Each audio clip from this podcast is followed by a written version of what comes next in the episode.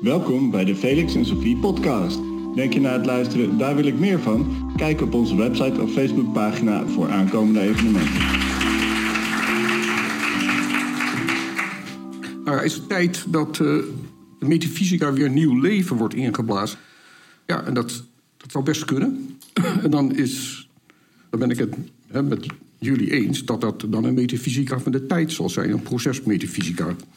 Want uh, ja, behalve in het Vaticaan en nog een paar plekken op de wereld, uh, uh, gelooft nog niemand meer in eeuwige zaken, oftewel substanties.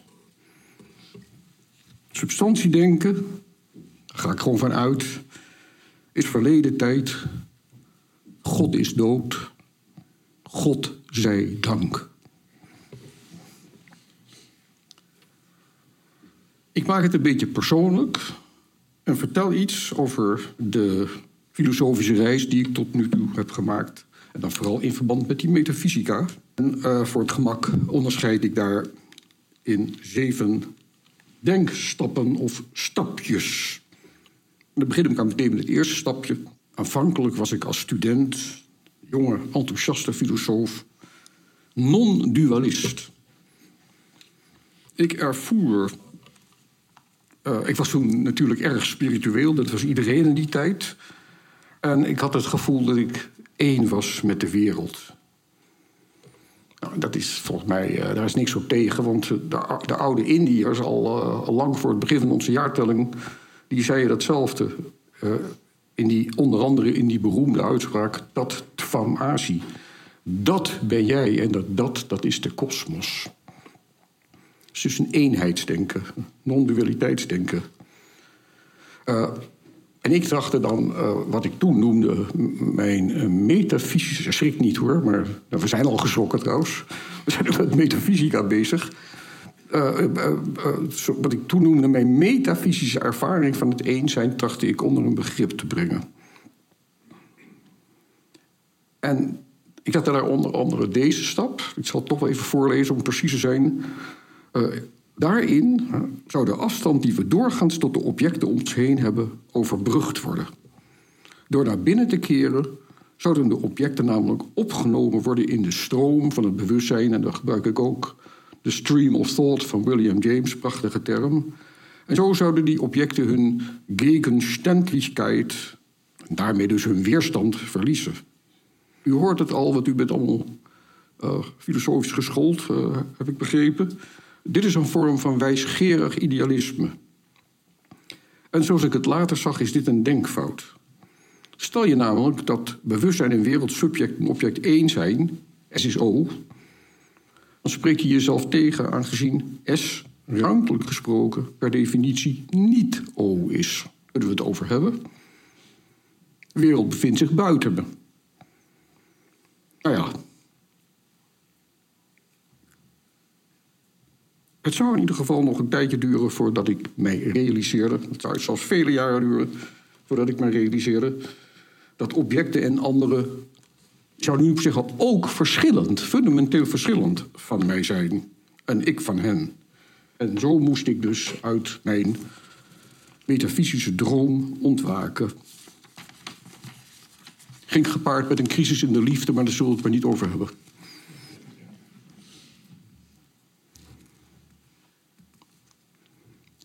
Mark, ook omdat jij daaraan refereert, lees ik dat wel voor. Ja, ik, ik, ik, zei, ik suggereerde wel die ervaring van één zijn en verbonden zijn, daar is helemaal niks mis mee. Maar alleen moet je er niet kritiekloos over gaan nadenken. In de zin dat je over de metafysica kritiek van Kant en anderen heen stapt. En daar hebben we voor jou al een heel boeiend betoog over gehoord. Uh, ja, de volgende stap is ik was dus ontwaakt uit mijn droom. Ik was eigenlijk, Kant zegt dat volgens mij ook.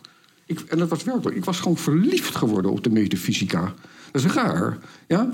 En uh, ik had toen ook een vriendinnetje, en dat was net die tijd van die mini-rokken, u weet het wel. En op een of manier was die oude vrouw, die metafysica, die trok meer aan me dan aan dat mooie meisje. Nou, dat is eventjes om de realiteit erin te brengen. Nou, op een gegeven moment was ik dus de kluts kwijt, afgestudeerd in de filosofie. uh, vastgelopen in mijn metafysische overpeinzingen. Toen ben ik naar Japan gegaan om uh, zeg maar, ingewijd te worden in het zen-boeddhisme.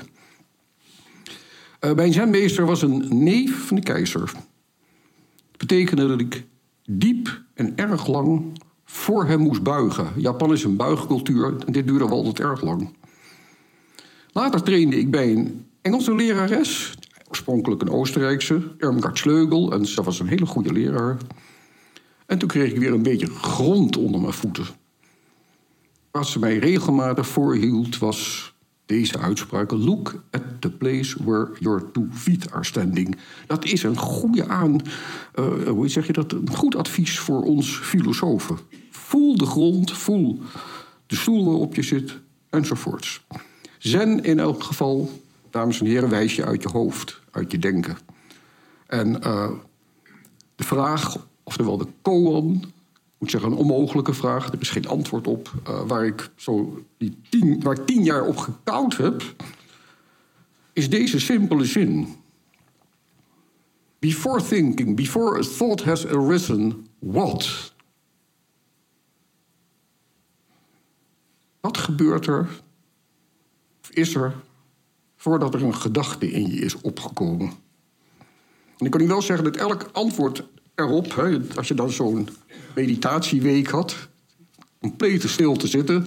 Je werd op je uh, schouders gemapt als je je wel bewoog. Zeker in Japan, dat was een vrij vrede cultuur. Maar elk antwoord erop, en dat is, dat is zen, uh, werd afgestraft. Want er is geen antwoord op. Wat dan wel? Als ik dat nou zou zeggen, dan zou ik mezelf tegenspreken, dat begrijpt u wel. Uh, na tien jaar was ik het wel beu, trouwens niet zozeer die vraag, maar wel uh, dat hele. Uh, want die vraag die werkt als een drillboor naar binnen. Hè? Maar wel dat hele toneelstukje dat rond mijn lerares werd opgevoerd.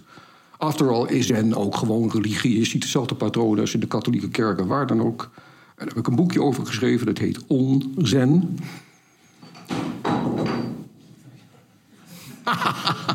dat is de zenduivel.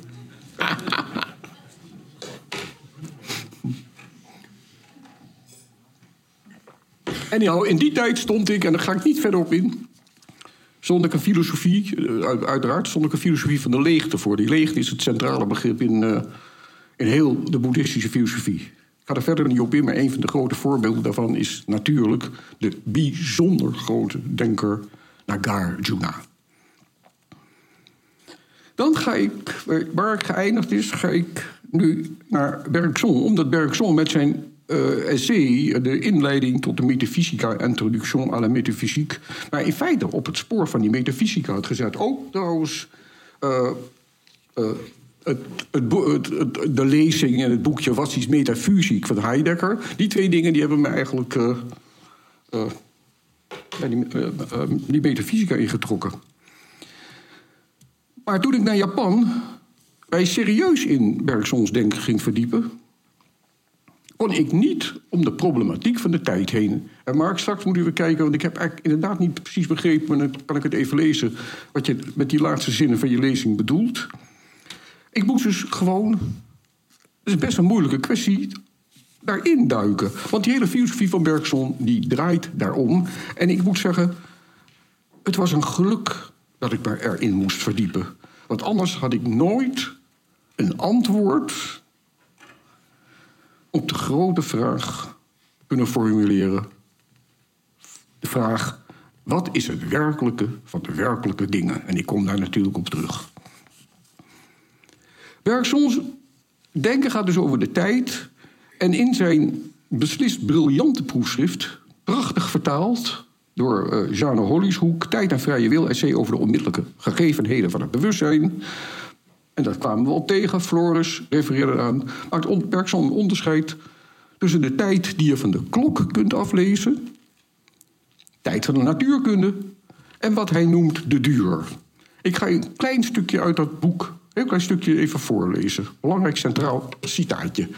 Bergson schrijft: De volkomen zuivere duur is de vorm die de opeenvolging van onze bewustzijnstoestanden de thoughts bij James, hè, aanneemt, wanneer ons ik zich laat meevoeren door zijn eigen leven. daarvan afziet een scheiding aan te brengen tussen de toestanden van het moment zelf en die welke eraan vooraf gingen. Daarvoor is het niet nodig, is een hele, die, die zin is al essentieel.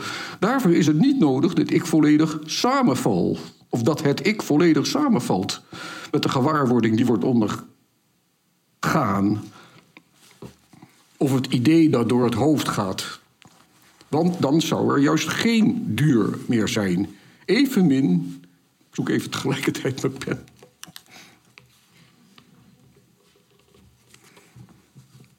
Bergson zegt in deze zin.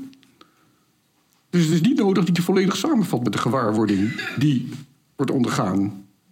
Of in je kop rondloopt. Met andere woorden, Bergson zegt: je moet niet in het nu zitten. En dan loop ik even vooruit op mijn volgende paragraaf. De zenjongens zijn eigenlijk al die mediteerders. Die zeggen: je moet juist wel in het nu gaan zitten. Dat is het grote verschil wat ik jullie wil voorleggen. Evenmin is het nodig dat ik de voorgaande toestanden vergeet. Nee, zegt Bergson, dus nu is het einde citaat. Je moet ze juist niet vergeten. Ja? maar je moet ze niet als de kralen van een snoer los van elkaar en van het huidige moment denken. Hebben jullie het? Is dit, uh, is dit duidelijk? Maar er zijn hele proefschriften en boeken geschreven waar het misgaat. Want waar gaat het mis? Dat mensen dan zeggen: Oh, Bergson, die, de tijd dit is allemaal vloeibaar.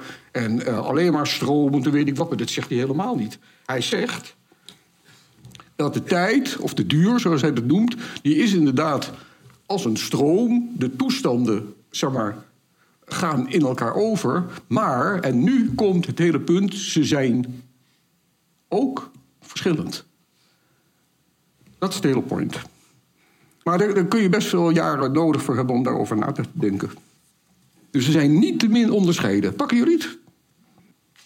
Dus ik, ik, ik zal het ook nog een keer voorlezen, dus nu in de rustige voorleesstijl. Het in elkaar overgaan weerspreekt hun heterogeniteit niet.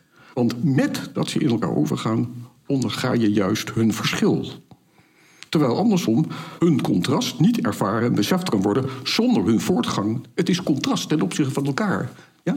Het is een beweging. Kan ik een citaat van Bergson voorlezen, maar dat hoeft niet. Hier uh, sla ik een intermezzo over. Kunnen we het eventueel over hebben? Ik heb in mijn laatste boek heb ik me toch wel mijn hersens uh, gebroken over hoe het daar zit uh, tussen Einstein en Bergson. Wat jij zei, in 1922 hadden ze een debat. Wat geen debat was, want uiteindelijk luisterden ze niet naar elkaar.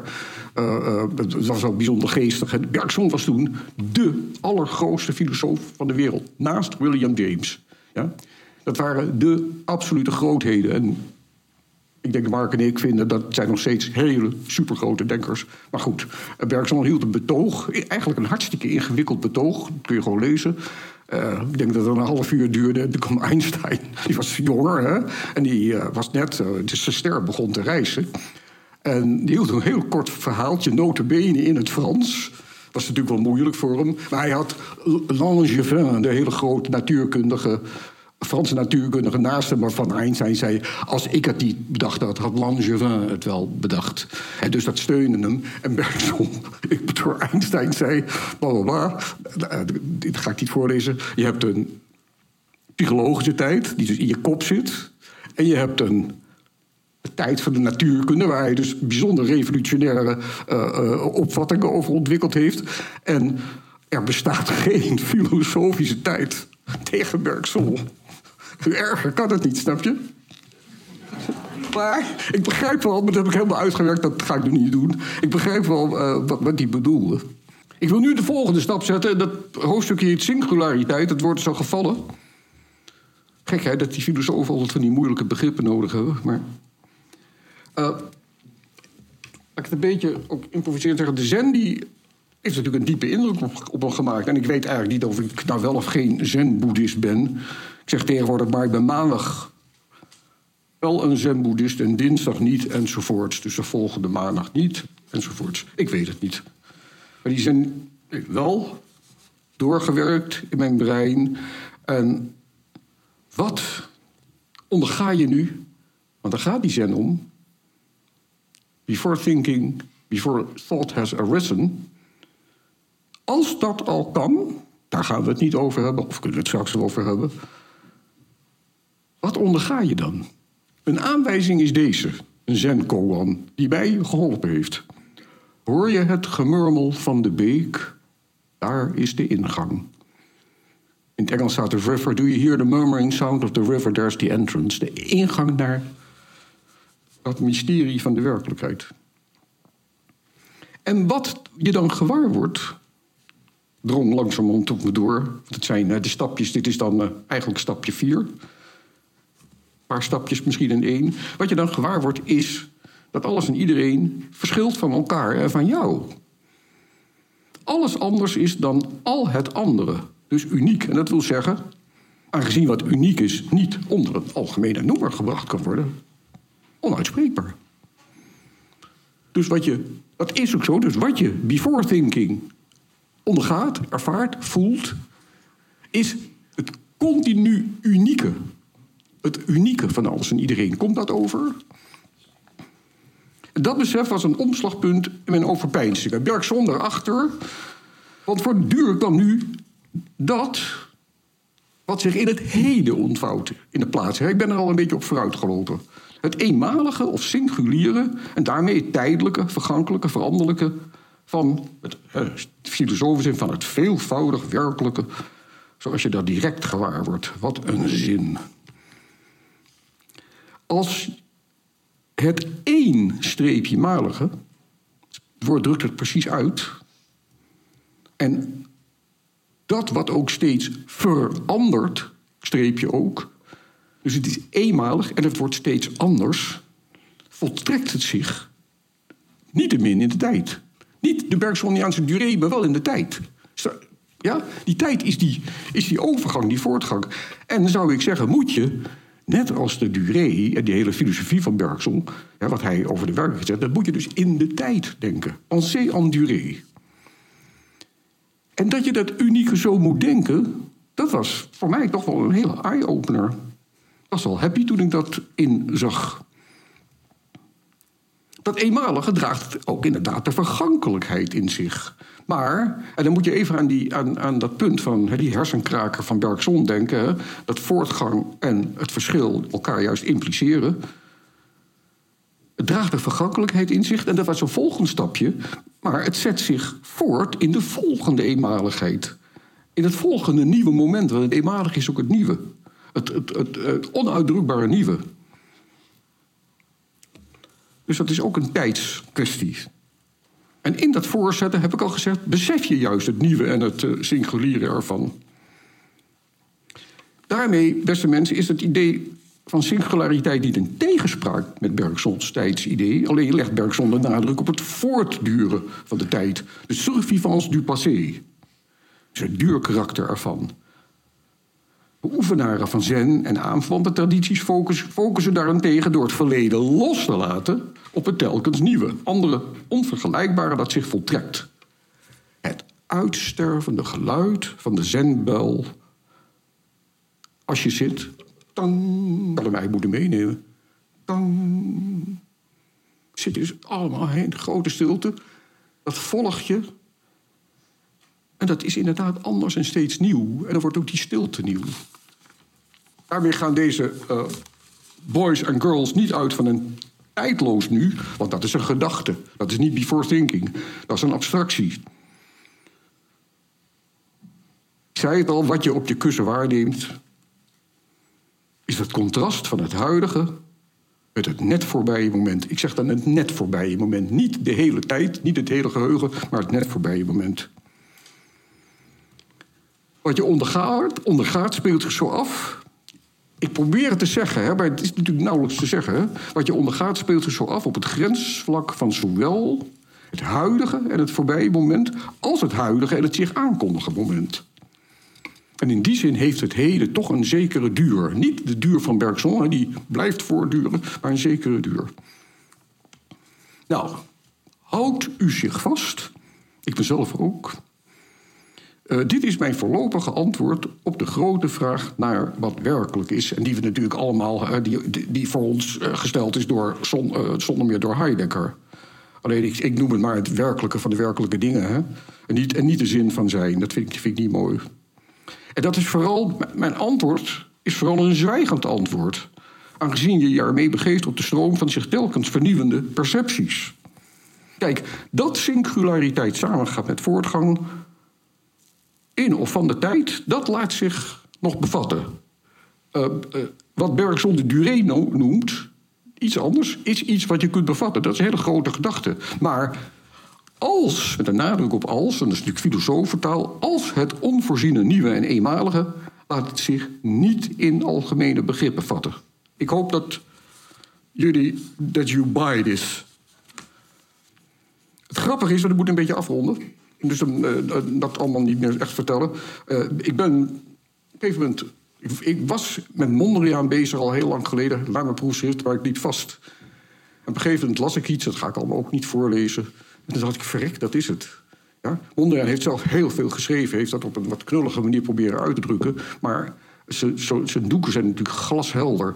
En wat die doeken van Mondriaan laat zien, wat Victor Boogie Woogie laat zien, is dat ook in de ruimte, maar je moet zeggen, ik noem het maar de onbegrensde ruimte, want Mondriaan die breekt hè, met, met de lijnen, de, uiteindelijk met de lijnen, de vlakken en de volumes. Hij probeert iets anders te laten zien, eigenlijk dat onbegrensde, maar dat in die onbegrensde ruimte, dat die eigenlijk ook temporeel is, die is dynamisch. Dat vond ik ook een hele uh, uh, eye-opener. Dus die overgang waarin het verschil zich manifesteert, is niet alleen, vindt niet alleen plaats in de tijd, of je die nu als duur denkt of als botsende singulariteiten, maar die vindt ook tussen kleuren en vormen in de ruimte plaats. Dat, is een, dat heb ik van, uh, van Mondriaan geleerd.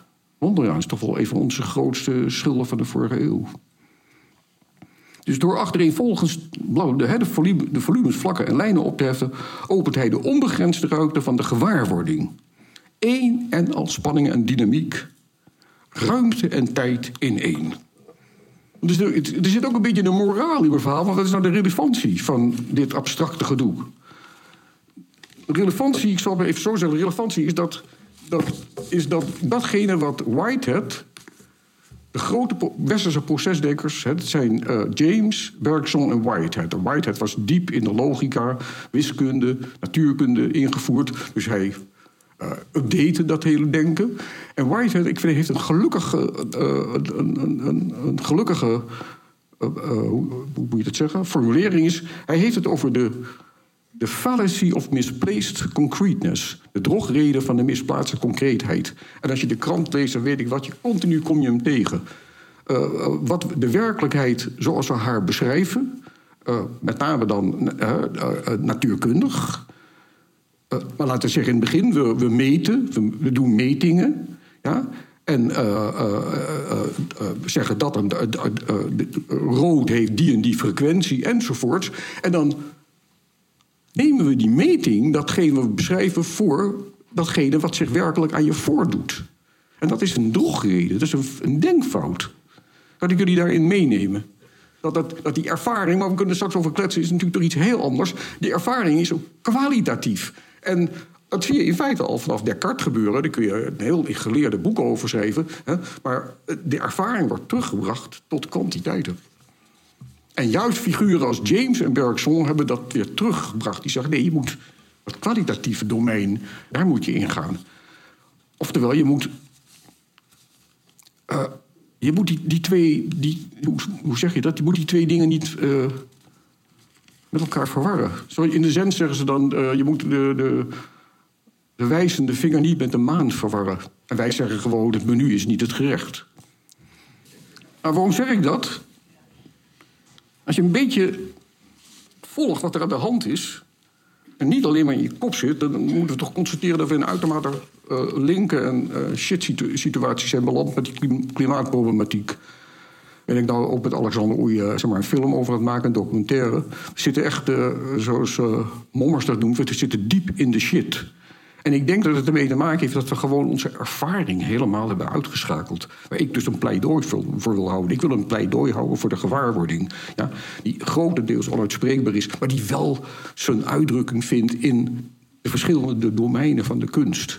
We zijn, we zijn onze ervaring helemaal kwijtgeraakt. En nu al helemaal dat we de hele dag als, als, als secretaresses en slaven voor dat, uh, voor dat beeldscherm zitten. Uh, deze filosofen die nodig je uit om gewoon je ervaring. Dat doen maar de zen-jongens ook en, en, enzovoorts. Om weer de mindfulness-figuren. Om te ervaren en daarbij stil te staan.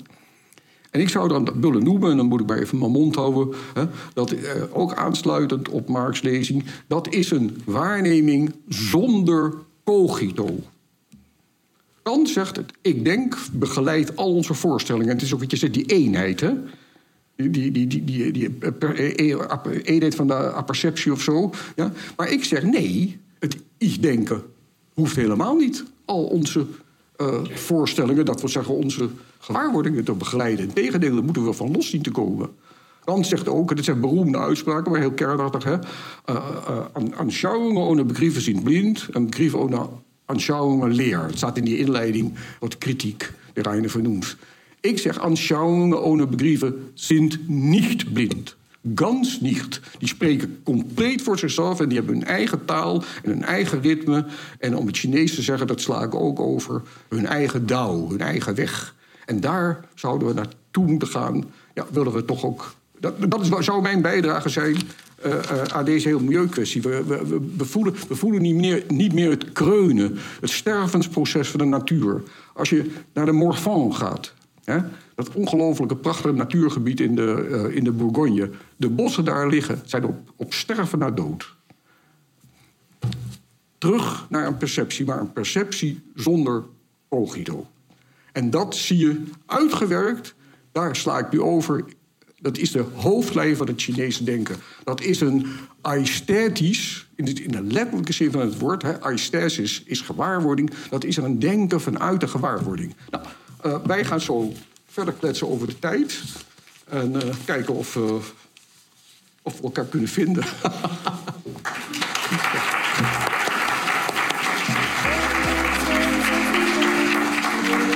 Felix en Sophie.